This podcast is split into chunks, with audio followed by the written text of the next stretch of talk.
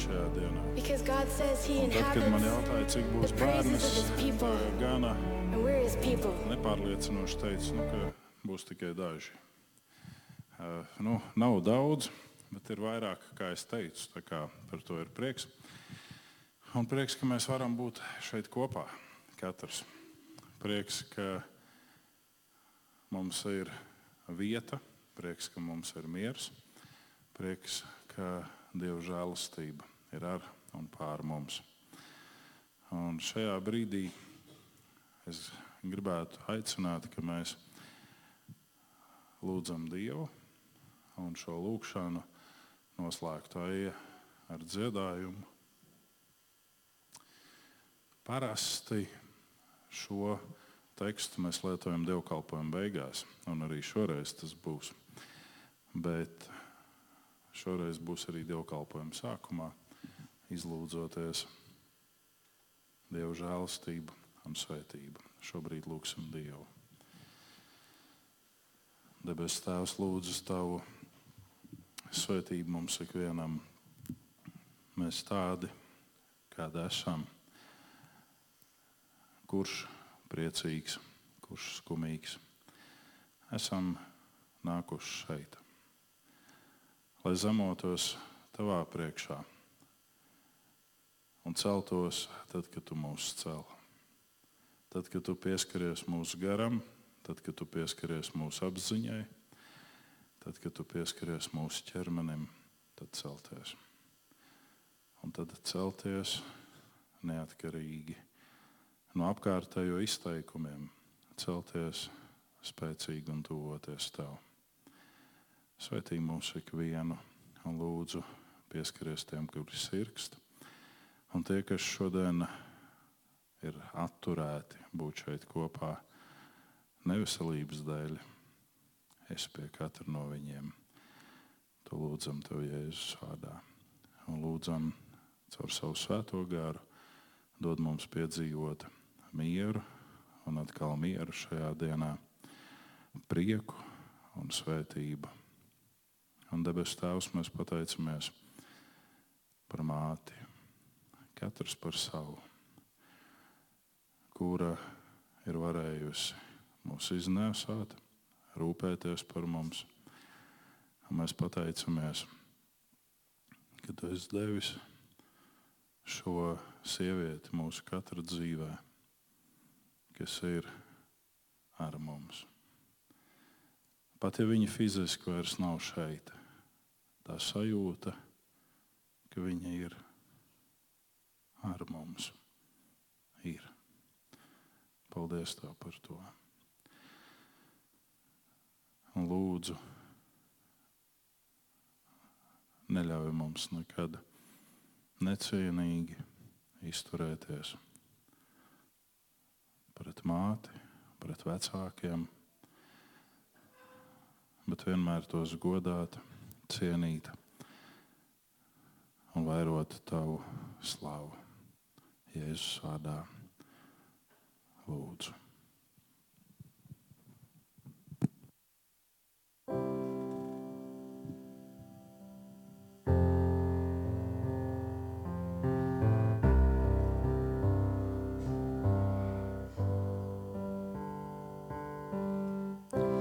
Dievs tevi svētī un sargā, apgaismo savu vaigu un ir tev žēlīgs.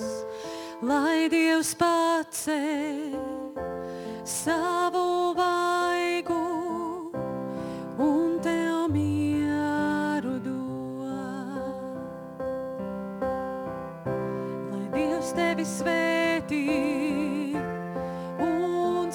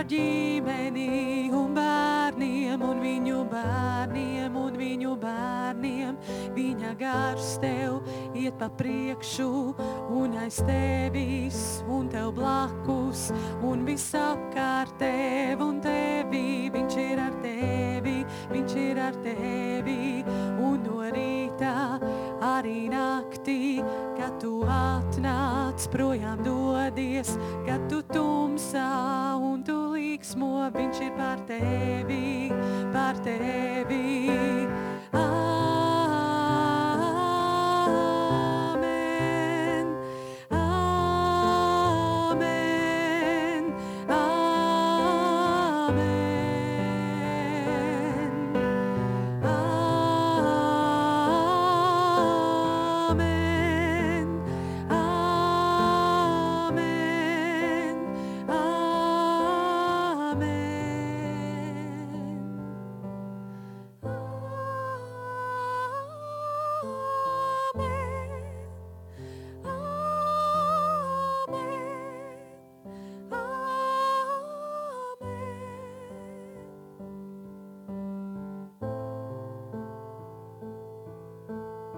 Patiešām, lai kungs tevi svētī uz auga audzēm,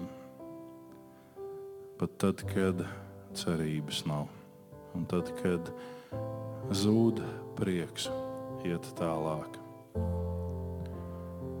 Tevi svētī, tavus bērnus svētī, viņu bērnus un to bērnus.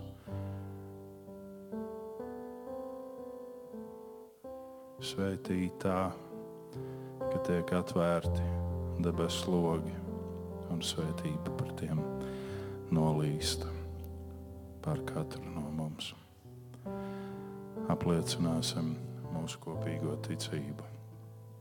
Mēs ticam uz Dievu Tēvu, visu valdītāju, debesu un zemes radītāju, un uz Jēzu Kristu, Dievu vienpiedzimušo dēlu, mūsu kungu, kas ieņemts no svētā gara piedzimis no jaunās Marijas, cietis zem Poncija Pilāta, krustā sists, nomiris, aprakts, nokāpis ellē, trešā dienā augšām cēlies no mirušiem, uzkāpis debesīs, sēdies pie Dieva visvaldītāja tēva labās rokas, no kurienes viņš atnāks tiesāt dzīvus un mirušus.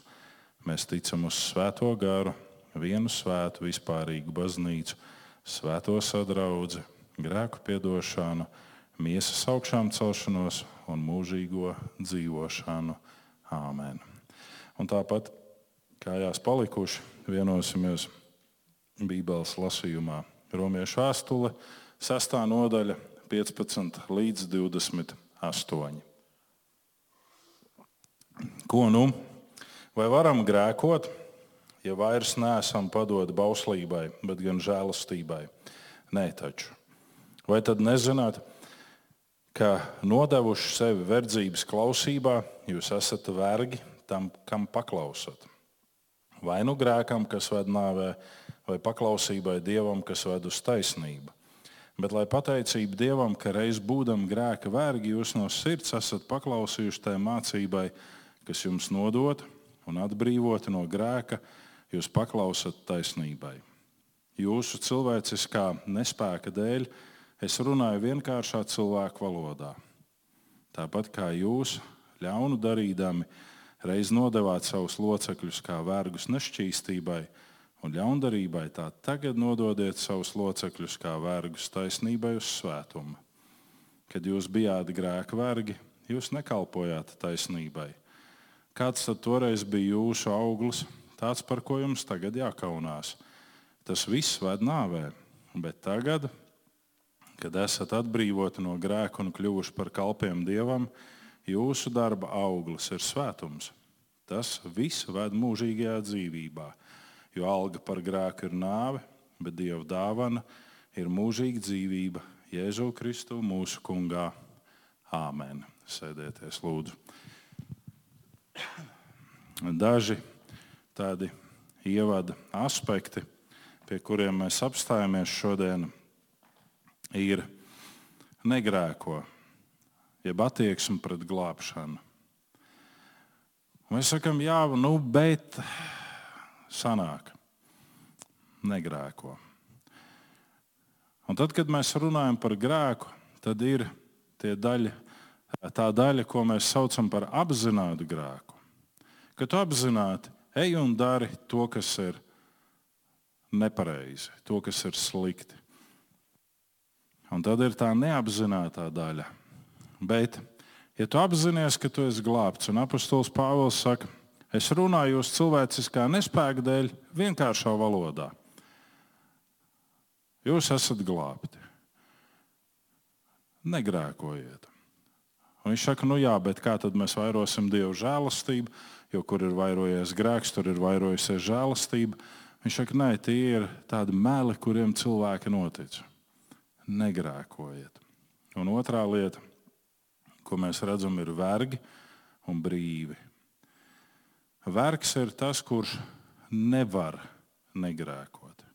Brīvs ir tas, kurš var izvēlēties negrēkot. Brīvais var kļūt par vergu. Tad, kad viņš izvēlās vienreiz, otrais un trešo reizi darīt grēku, un tas var būt mūsu domās, tas var būt mūsu runā, tas var būt mūsu attieksmē, ir dažādi šie soļi, kā mēs nonākam pie tās verdzības. Un tad ir tas brīdis, kad mēs sakām, nu, mēs sanākam kopā, nu, mēs runājam labas lietas, nu, tad, tad vienkārši nu, tā gribās arī aprunāt kādu. Nu, nu, tā, nu. Un apustulis Pāvils saka, tev ir jāievēro šī atšķirība starp vergu un starp brīvo. Tu esi aicināts kā brīvs nolikt visu šo grēka verdzību, kas tev velkas līdzi, un kā brīvs iet uz priekšu. Neklupt, negrēkot, cienīt savu glābšanu. Un pēdējais, ko mēs redzam, ir agrāk.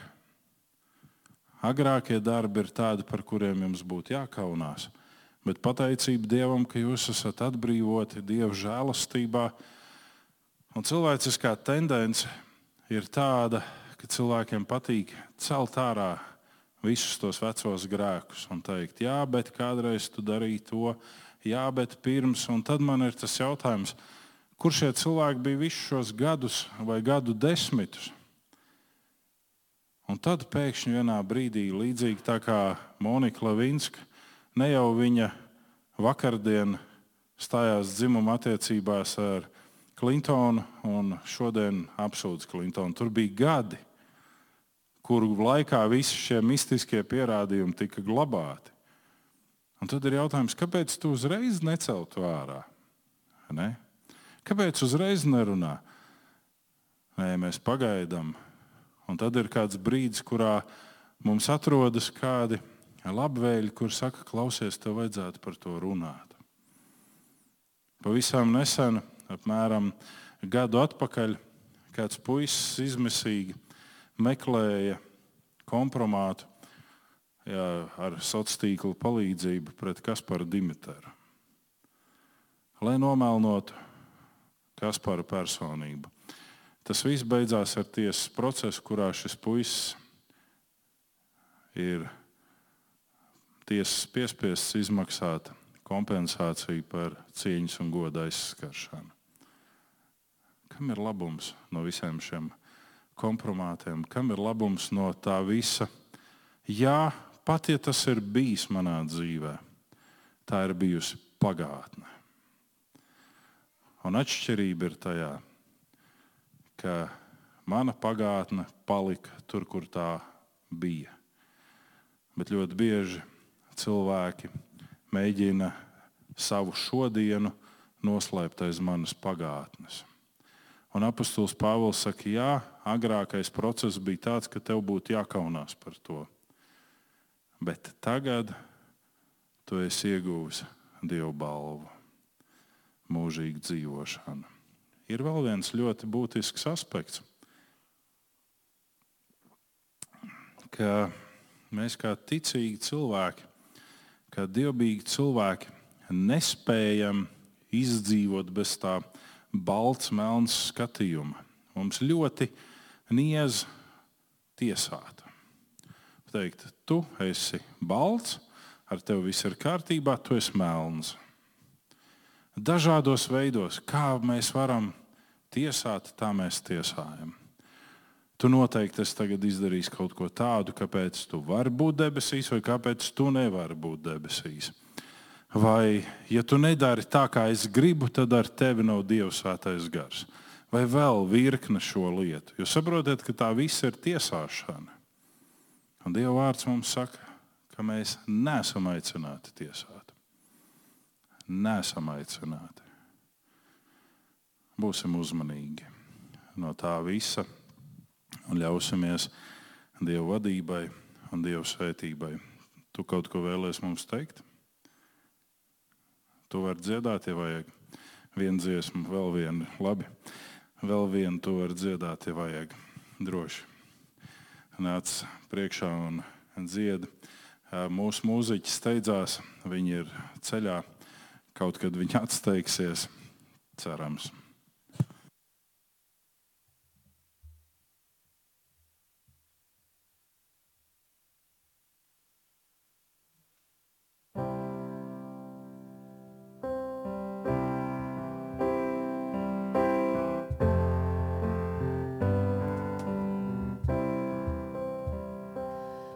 Manu sirdī tu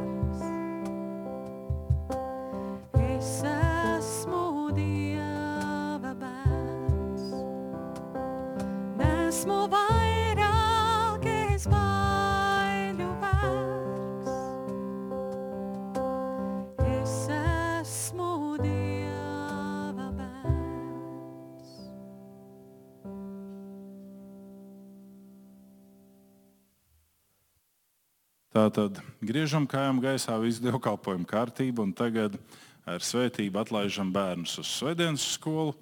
un pēc tam būs vispārējais.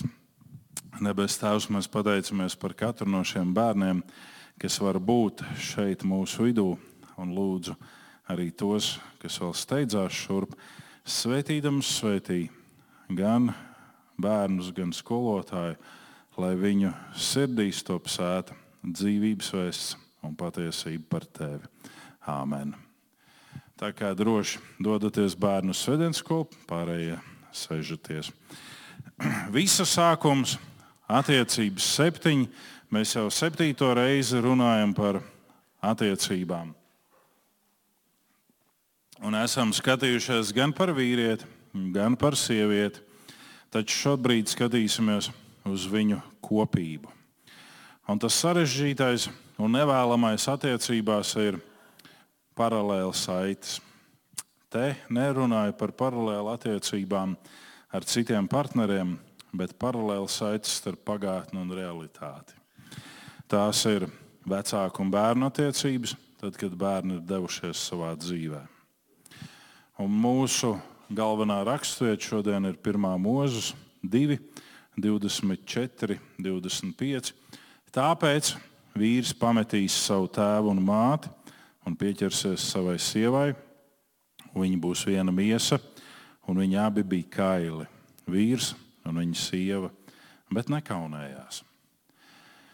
Sieva atrodas savu vecāku paspārnī, līdz iziet pie vīra, un atrodas vīra paspārnī.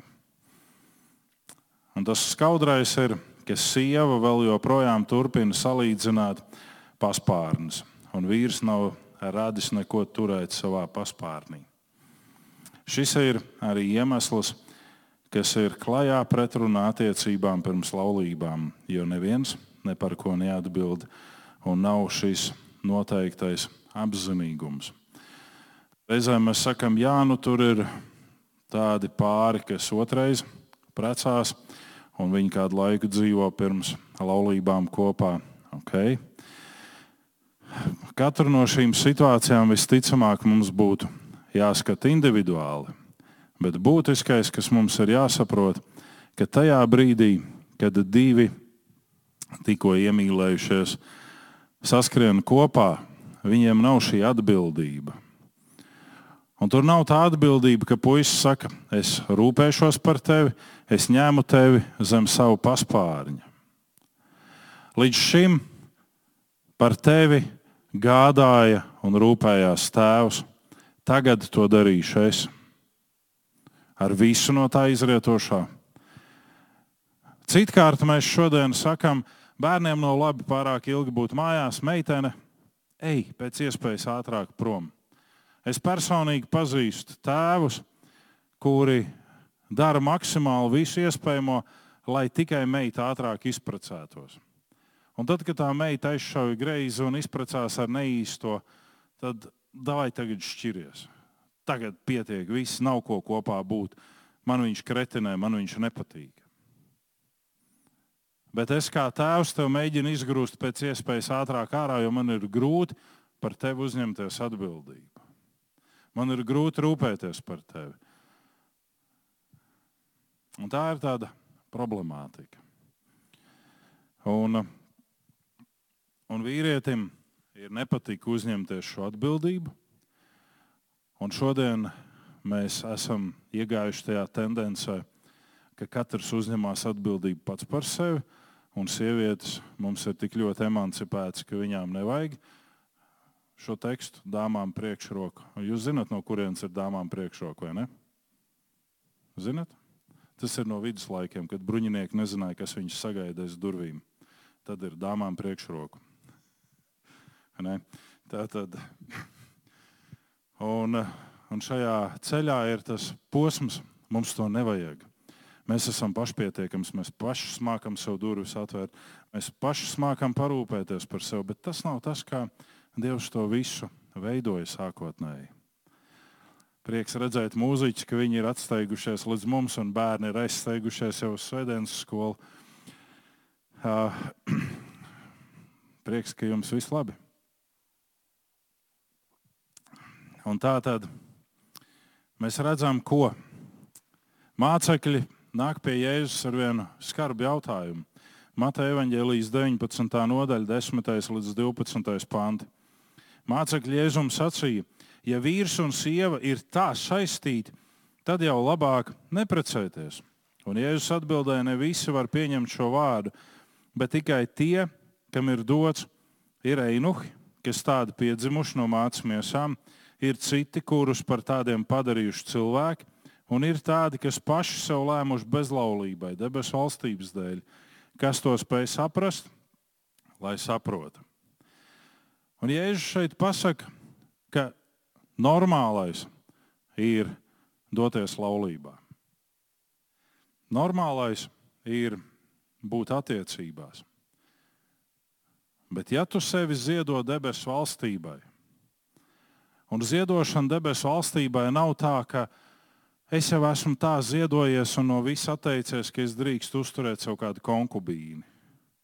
Nē, ja tu ziedo sev Dievu valstībai, tad tu ziedo sev Dievu valstībai. Tad tur nav nekā no šī zemiškā, no šī tik ļoti patīkamā. Tad tu esi sev ziedojis Dievu valstībai. Un tad ir tās situācijas, par kurām Jēzus šeit saka, ir cilvēki, kuri nespēja pilnvērtīgu laulību vest. Tad nevajag maitāt to otru personu. Un ir cilvēki, kuri ir tādi, tāpēc ka apkārtējie viņus tādus ir padarījuši. Un ko nozīmē apkārtējie? Tas nevienmēr nozīmē šo ļoti pierasto domu, nu, ka kāds ir medicīniski iejaucies un veicis kastrāciju. Nē. Jūs zināt, ka 99% puisis nevēlēsies laulību, viņam būs ļoti sarežģīta laulība, ja viņš ir piedzīvojis vardarbīgu māti. Un vardarbība nevienmēr nozīmē to, ka māte ir kā fūrija sarkaniem vaigiem izspūrus, kas bauro visu laiku uz to bērnu un sit viņu un, un klapē un piesien pie gultas kājas un liek uz zirņiem tupēt un ko vēl varētu izdarīt. Nu, visādas citas lietas.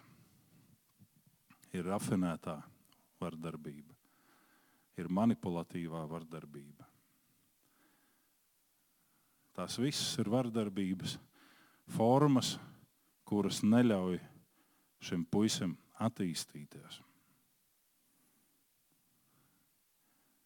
Un tad, kad mēs piedzīvojam šo prieku, ka mūsu ģimenē ienāks bērniņš, tad tur nav tikai runa par to, cik labi, cik forši tagad taisām pamperu ballīti, un tagad mammas ballīti, un tagad teita ballīti, un, un nu tikai ir prieki. Bet te ir arī tā dievišķā gudrība, kas ir nepieciešama, kā šo bērnu audzināt. Kā atrast ceļu pie viņa sirsniņas, lai viņš neizaugtu emocionāli un garīgi kroplis. Viņš pēc sava standarta gribēs doties laulībā, jo citi tā dara, bet viņš nespēs izveidot normālas attiecības, jo viņam ir izvarotas smadzenes. Nē. Būsim ļoti vērīgi par to. Tas pats kaut kādā mērā attiecās uz meitenēm, bet ļoti nelielā mērā.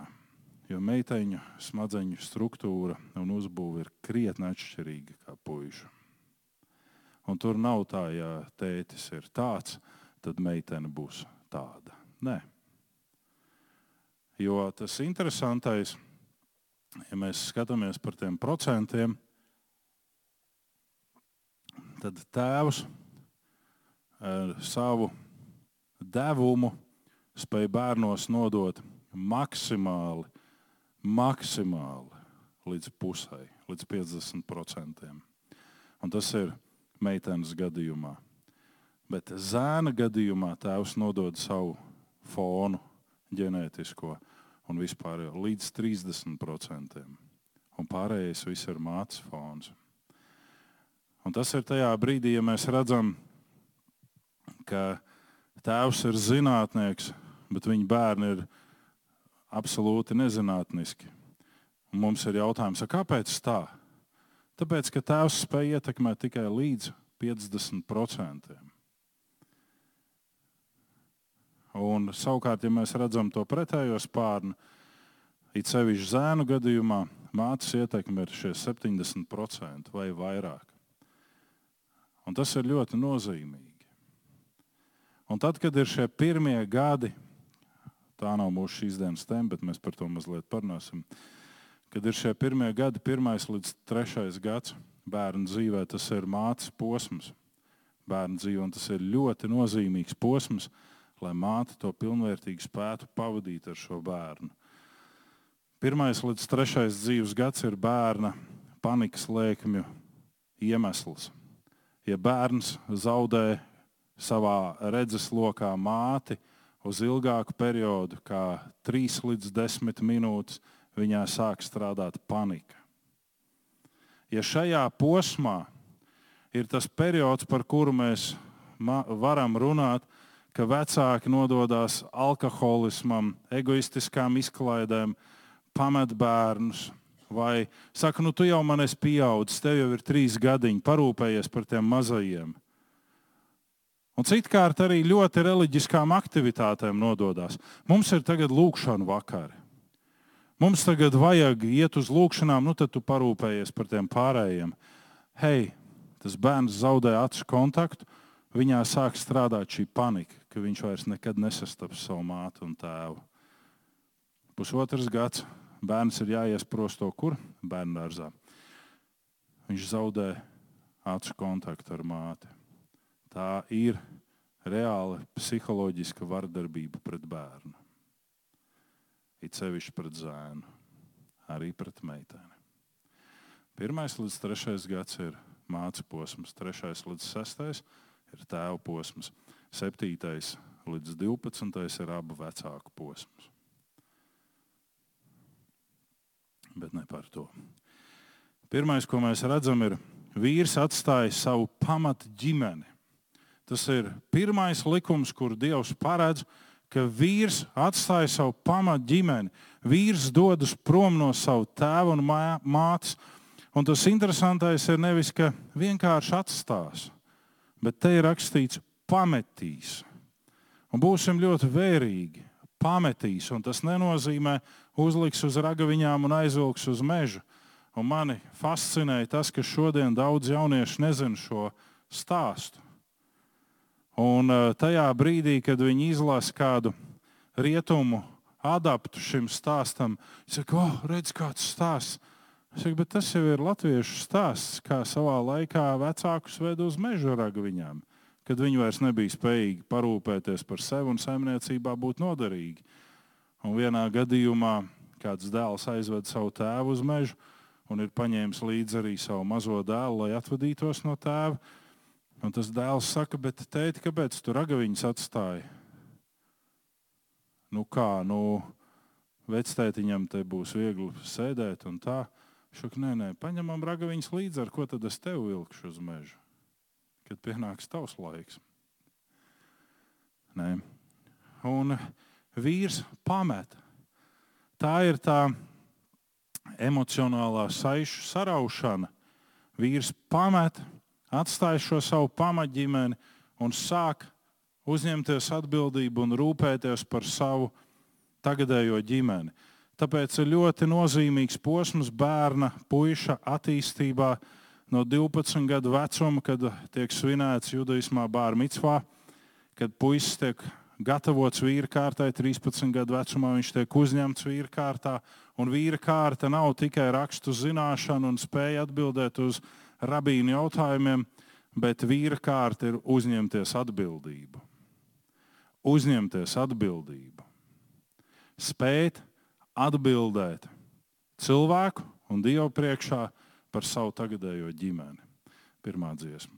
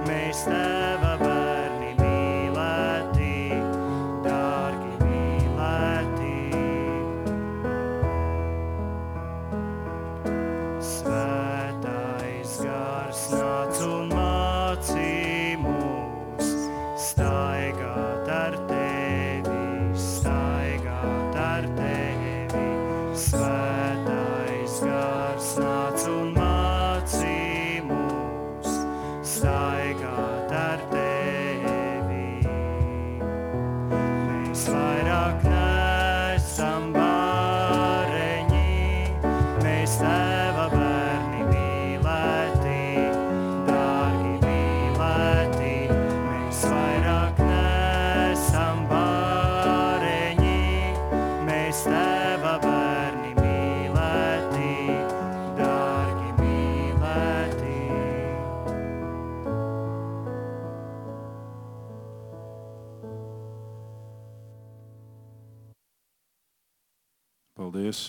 Un patiešām jūs varat sēsties, jau mēs vairs neesam bāreņi.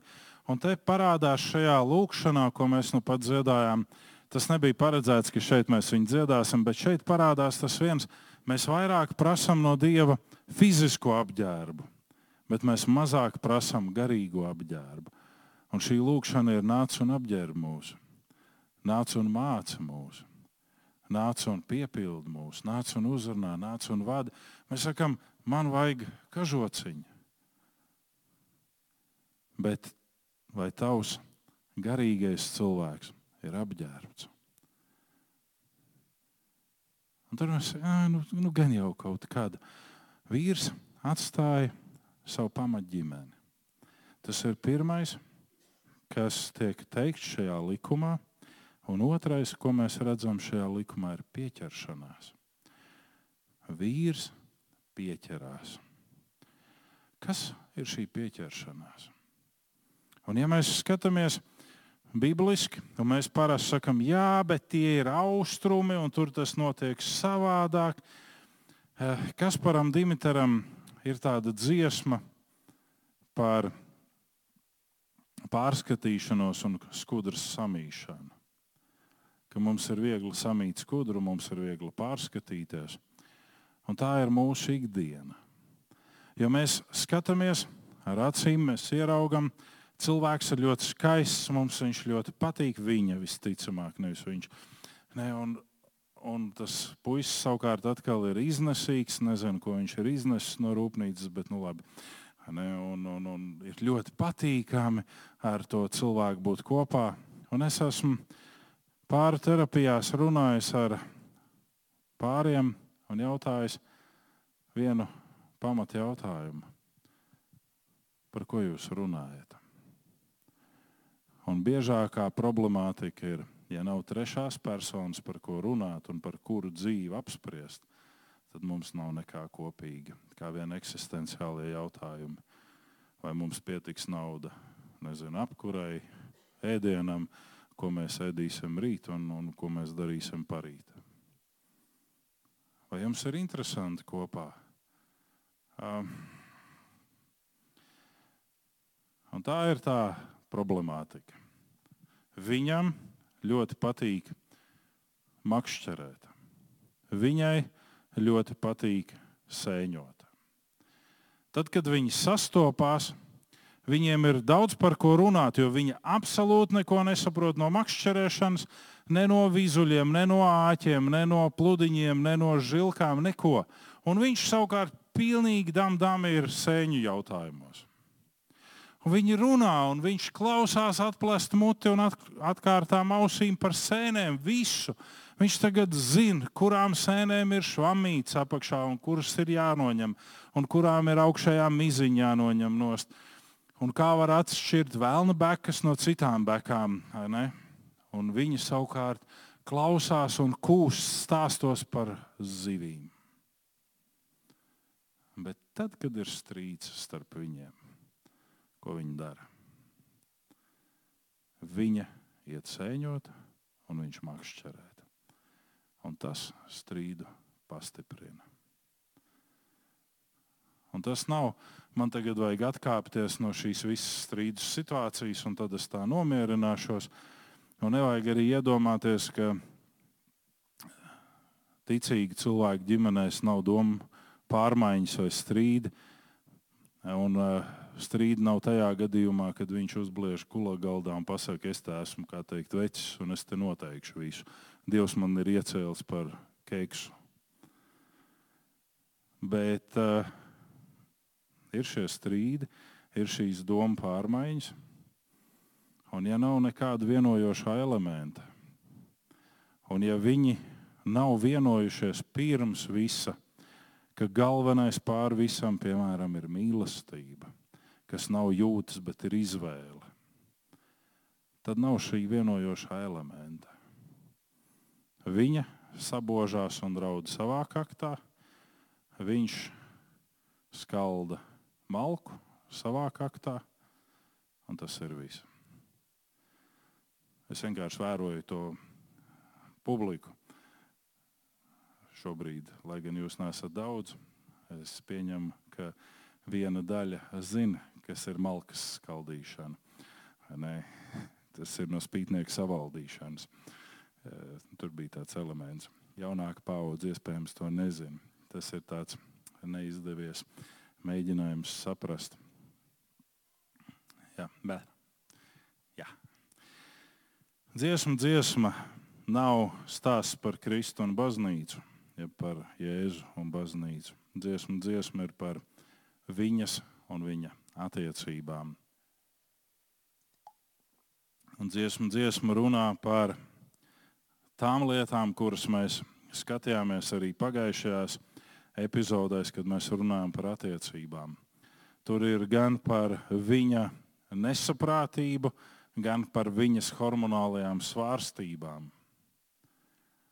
Gan par to, kā viņi viens otru nespēja nolasīt, gan par to, kā viņš uzsilda viņu un kā viņa atsaucās šim uzsildījumam. Un dziesma, dziesma 8, 6, 7 saka, liec mani kā zīmogus savas sirds, kā zīmogus savu pleca, jo stipra kā nāve ir mīla, grūta kā kaps ir kaisla, tās liesmas kā ugunsliesmas, kunga varanās liesmas. Pāli nevar apslāpēt mīlestību, un upes nevar to aplie, apslīcināt. Ja kāds dotu par mīlestību visu naudu no sava nama, tas tiktu smietina apsmiets. Tajā brīdī, kad šī izvēle kļūst par emocijām, jeb tiek pastiprināta ar emocijām, mēs lasām šo, ka viss to vairs nekas nespēja apturēt. Bet mīlestība ir izvēle. Un mēs sakām, nu jā, tie jau ir austrumi, tur paņēma tēvs savu meitu, aizveda pie cita tēva, kuram ir dēls, un deva šo meitu par sievu. Jā un nē. Mēs redzam, ka tie procesi nevienmēr ir tik ļoti patriarchāli. Jēkabs iemīl Rāheli. Un viņš saka Lābanam, ko man darīt? Lābans saka, kalpo man kā sulainis, ne kā vergs, kā puisis, kā strādnieks septiņus gadus. Un tad, kad Jēkabs ir kalpojis par Rāhelu septiņus gadus, tad Lābans piemāna Jēkabu un saka, nav mūsu tradīcijā nav pieņemts, ka jaunāko māsu izpratne pirms vecākās. Un, ja mēs skatāmies vienu paudzi iepriekš, Īzāks un Rebeka, ir stāsts par to, ka kalps iet meklēt savam kungam sievu, un viņš lūdz Dievu pēc zīmēm, kā man atpazīt, kura varētu būt manam kungam piemērota. Tas nav tā, ka viņš aizgāja uz Nahoru namu un pateica, dod vienu meitu manam kungam par sievu. Viņam ir dialogs ar Dievu par šo visu. Un nāk Rebeka. Un Rebeka ir tik čadīga, ka viņa ir gatava piedāvāt arī šim kalpam, šim sulēnim, Abrahamam, sulēnim un viņa lopiņiem padzērties. Un viņš to uztver kā apstiprinošu zīmi savai lūkšanai. Tāpēc mēs nevaram teikt, ka tur viss notika tādā politiskā līmenī, un, un tāpēc tur varēja mīlestība būt izvēle. Mēs varam teikt, ka šodien mēs esam tajā posmā, kur mēs vairāk sekojam it kā savai sirdī un savām acīm, un mums nāk pārskatīties, mums sanāk sastapties ar plāksteriem dzīvē, un nenotiek tā pieķeršanās. Lai kā mums negribētos to apstiprināt, bet nenotiek šī pieķeršanās. Un par šo pieķeršanos mēs lasījām, lietas man kā zīmogus savas sirds. Kā zīmogu uz savu plecu. Ne. Lai tas ir tik ļoti stipri un saistoši. Ir šī izvēle, ir šīs emocijas un ir Dieva svētība. Un mēs nonākam pie nākamā posma. Un mēs lasījām pamattekstā, un viņi abi bija kaili, vīrs un viņa sieva, bet nekaunējās. Un tas ir tāds paradīzes, jeb ēdienas stāsts, kad divi ir kaili un nekaunās, jau mīl viens otru, ir devuši sevi viens otram, tad tā ir paradīze un ēdēna. Un tāpēc, piemēram, Salamans nesaka, kopojies ar savu sievu tikai bērnu radīšanas nolūkā. Viņš saka, iepriecini allažiņu sevi ar savu sievu. Esi kopā ar šo sievieti tik, cik vien ir iespējams. Sauc viņu tajos mīļvārdiņos, kādus tikai jūs viens otram esat veltījuši. Tad, kad mēs lasām šo pašu augsto dziesmu, ja es sāktu saukt ar tādiem mīļvārdiņiem, es nezinu, mūsu kultūrā nav pieņemams pateikt meitenei, ka viņas acis kā baloža acis. Tur var dabūt zilas fingāls uz acīm. Un, uh, sākt salīdzināt, labi, tagad tie dzīvnieki daudz ganās riņķī, bet sākt teikt, ka tavas krūtis ir kā pāris kalnu kazu. Nē. Nu, tur atkal ir tā ļoti prātīgi jāpieiet. Un tad ir tie mīļvārdiņi, kuros viņš un viņa viens otru dēvē un sauc, bet tie ir viņu mīļvārdiņi. Un tā ir normāla divu, divu savienības kultūra, ja ir šie mīļvārdiņi, ja ir šīs skaistās izteiksmes, ja ir tas, tas sirds dedzība, ja ir tas skats uz to sievieti, un viņa tiek apēsta ar acīm. Un neatkarīgi no tā, ka vienā brīdī viņa sāk varbūt novecot, viņa ir pati skaistākā, viņa ir pati labākā. Un neatkarīgi arī, ka tas vīrietis vairs nav tik muskuļots, jeb kā mēs pirmie teicām, iznesīgs, bet viņš ir spēcīgs. Viņš ir mans stiprais aizstāvis. Viņš ir ar mani.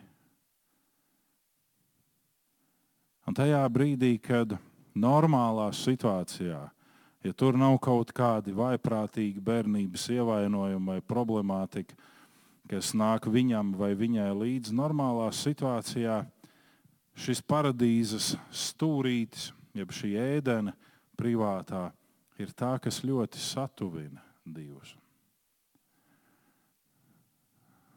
Un jaunieši ir kaut kur ieguvuši inst- informāciju, ka vajag ļoti daudz nodarboties ar seksu, tad labi attīstās smadzenes. Kaut kādā mērā jā, bet es jums teikšu vienu mazu noslēpumu. Vajag vairāk lasīt.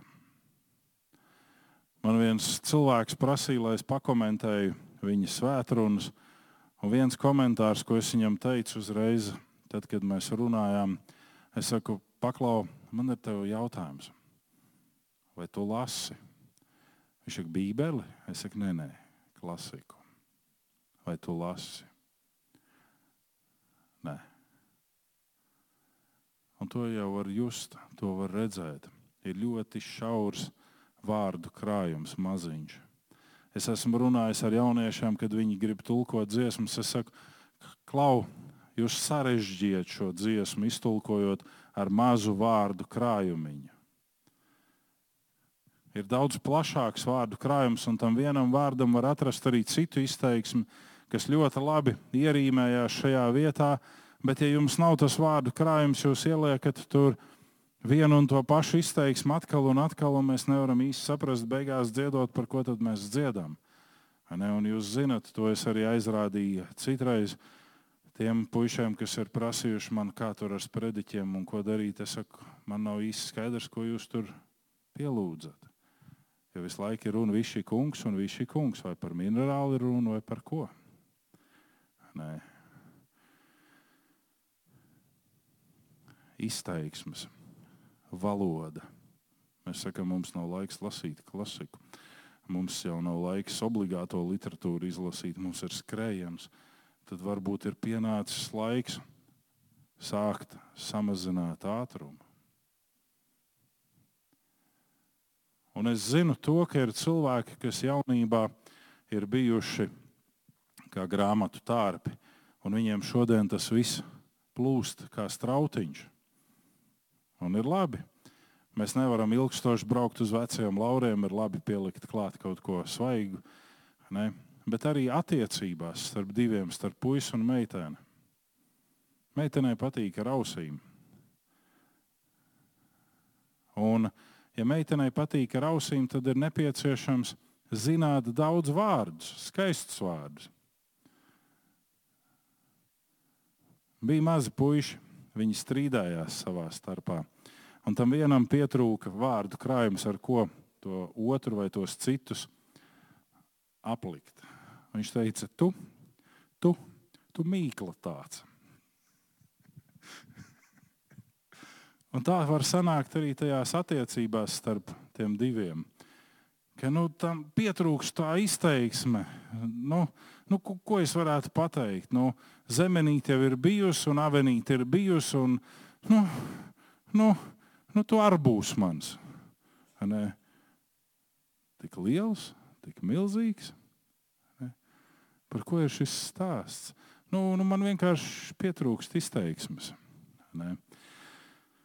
Paradīze, kad divi ir kaili un nekaunās viens no otra. Gadījuma rakstura seksam nav šīs paradīzes klātbūtnes. Tur it kā viss notiek gluži kā starp vīru un sievu, bet tā nav ēdene. Tāpat nav atblāzuma no ēdenes. Tāpēc notiek tik daudz problēmu attiecībās. Jo vīrs un sieva nav ar seju viens pret otru, bet gan ar mugurām viens pret otru. Mēs varam paskatīties uz vienu ļoti negatīvu piemēru, bet vīrs un sieva šajā piemērā bija ar seju viens pret otru. Tā ir apakstuļu darbu notikuma apraksts par Ananiju un Safīru. Viņi abi bija sazvērējušies, un viņi abi meloja. Bet viņi bija ar sejām viens pret otru. Viņi bija kā viena komanda. Bet diezgan bieži attiecībās ir tieši šī problemātika, ka viņi stāv viens pret otru ar mugurām. Un it sevišķi bērnu audzināšanas jautājumos.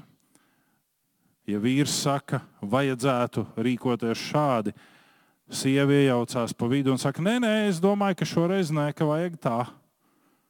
Tas nekur nedara. Ir jāiet ar seju vienam pret otru un kopīgi vienā virzienā. Nē. Tāpēc ir ļoti daudz problēmas.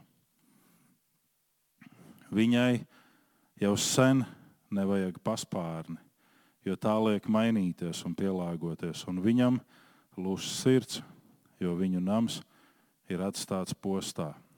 Lūkas evanģēlijas 13. nodaļa, 34 un 35a. Jeruzalem, Jeruzalem, tu, kas nonāvē praviešus un nomēta akmeņiem tos, kas pie tevis ir sūtīti.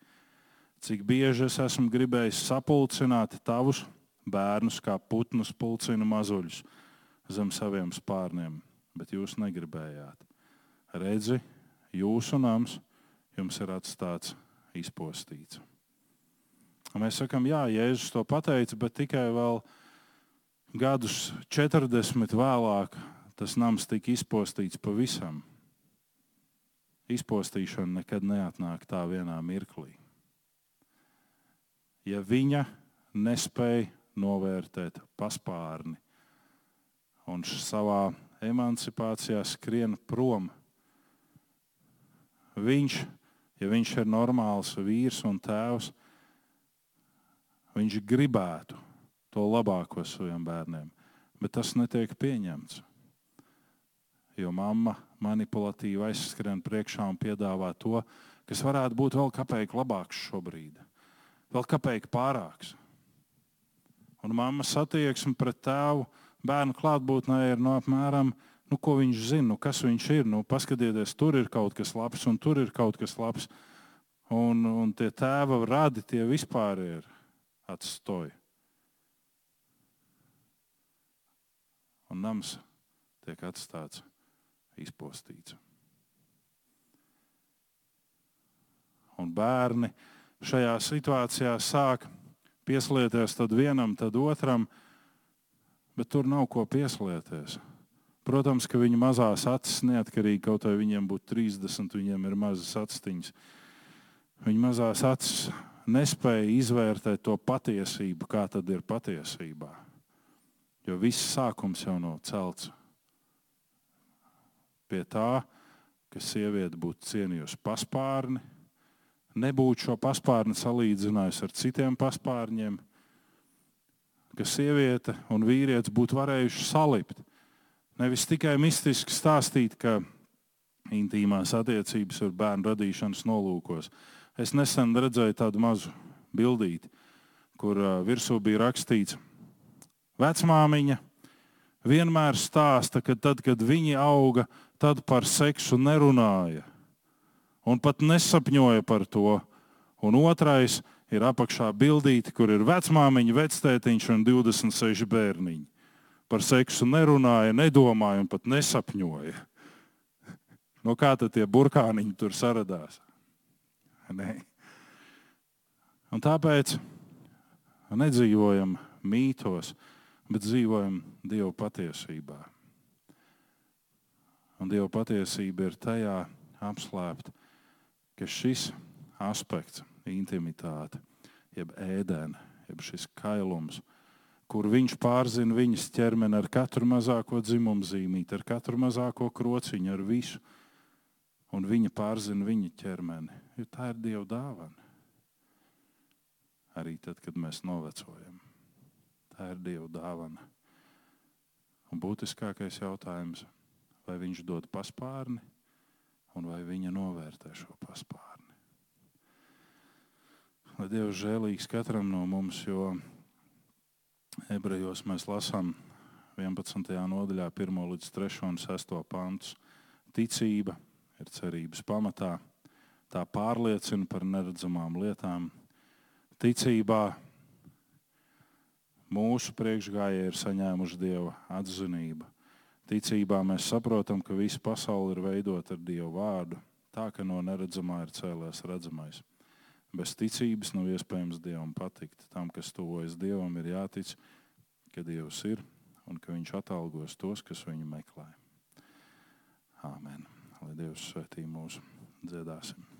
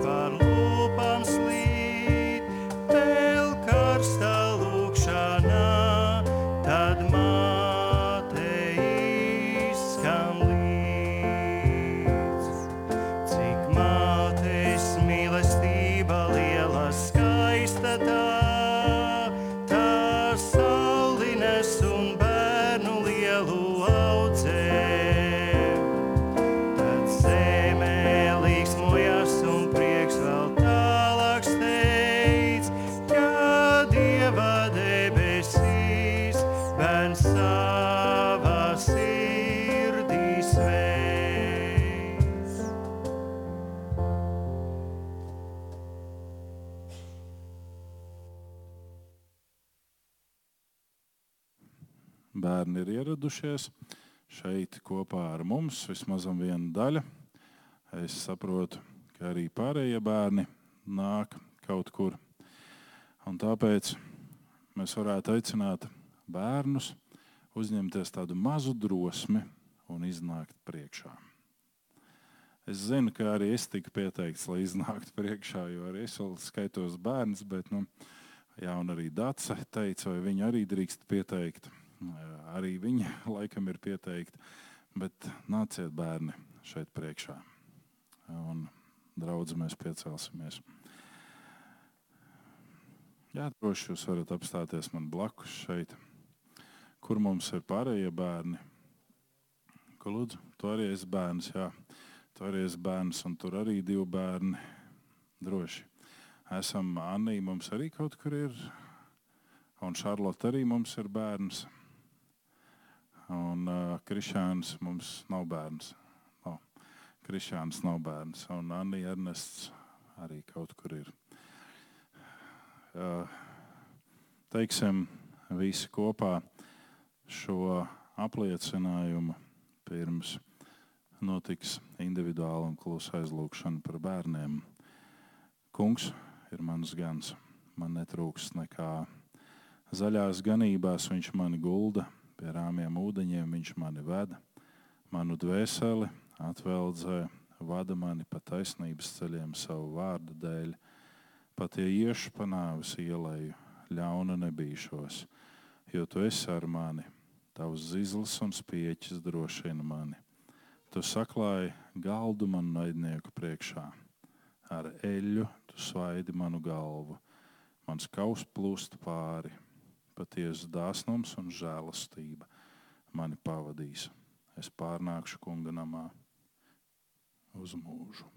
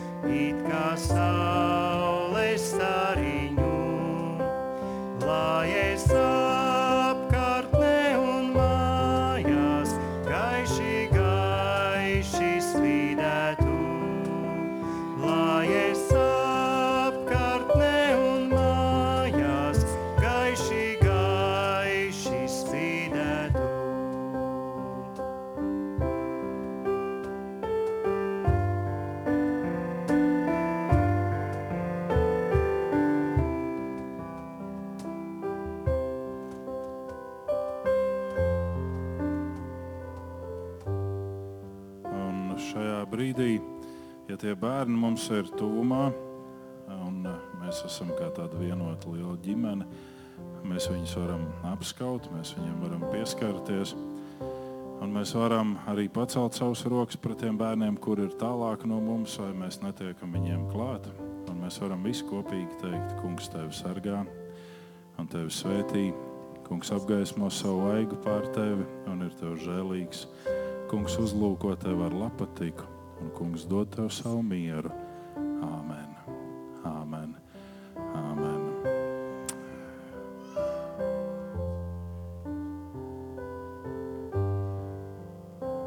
Un šajā brīdī Raimons negrib mūs vairs nobeigt ne ar vienu dziesmu. Tāpēc silti un mīļi sveiksim viens otru un uz sadraudzību. Lai Dievs svētī!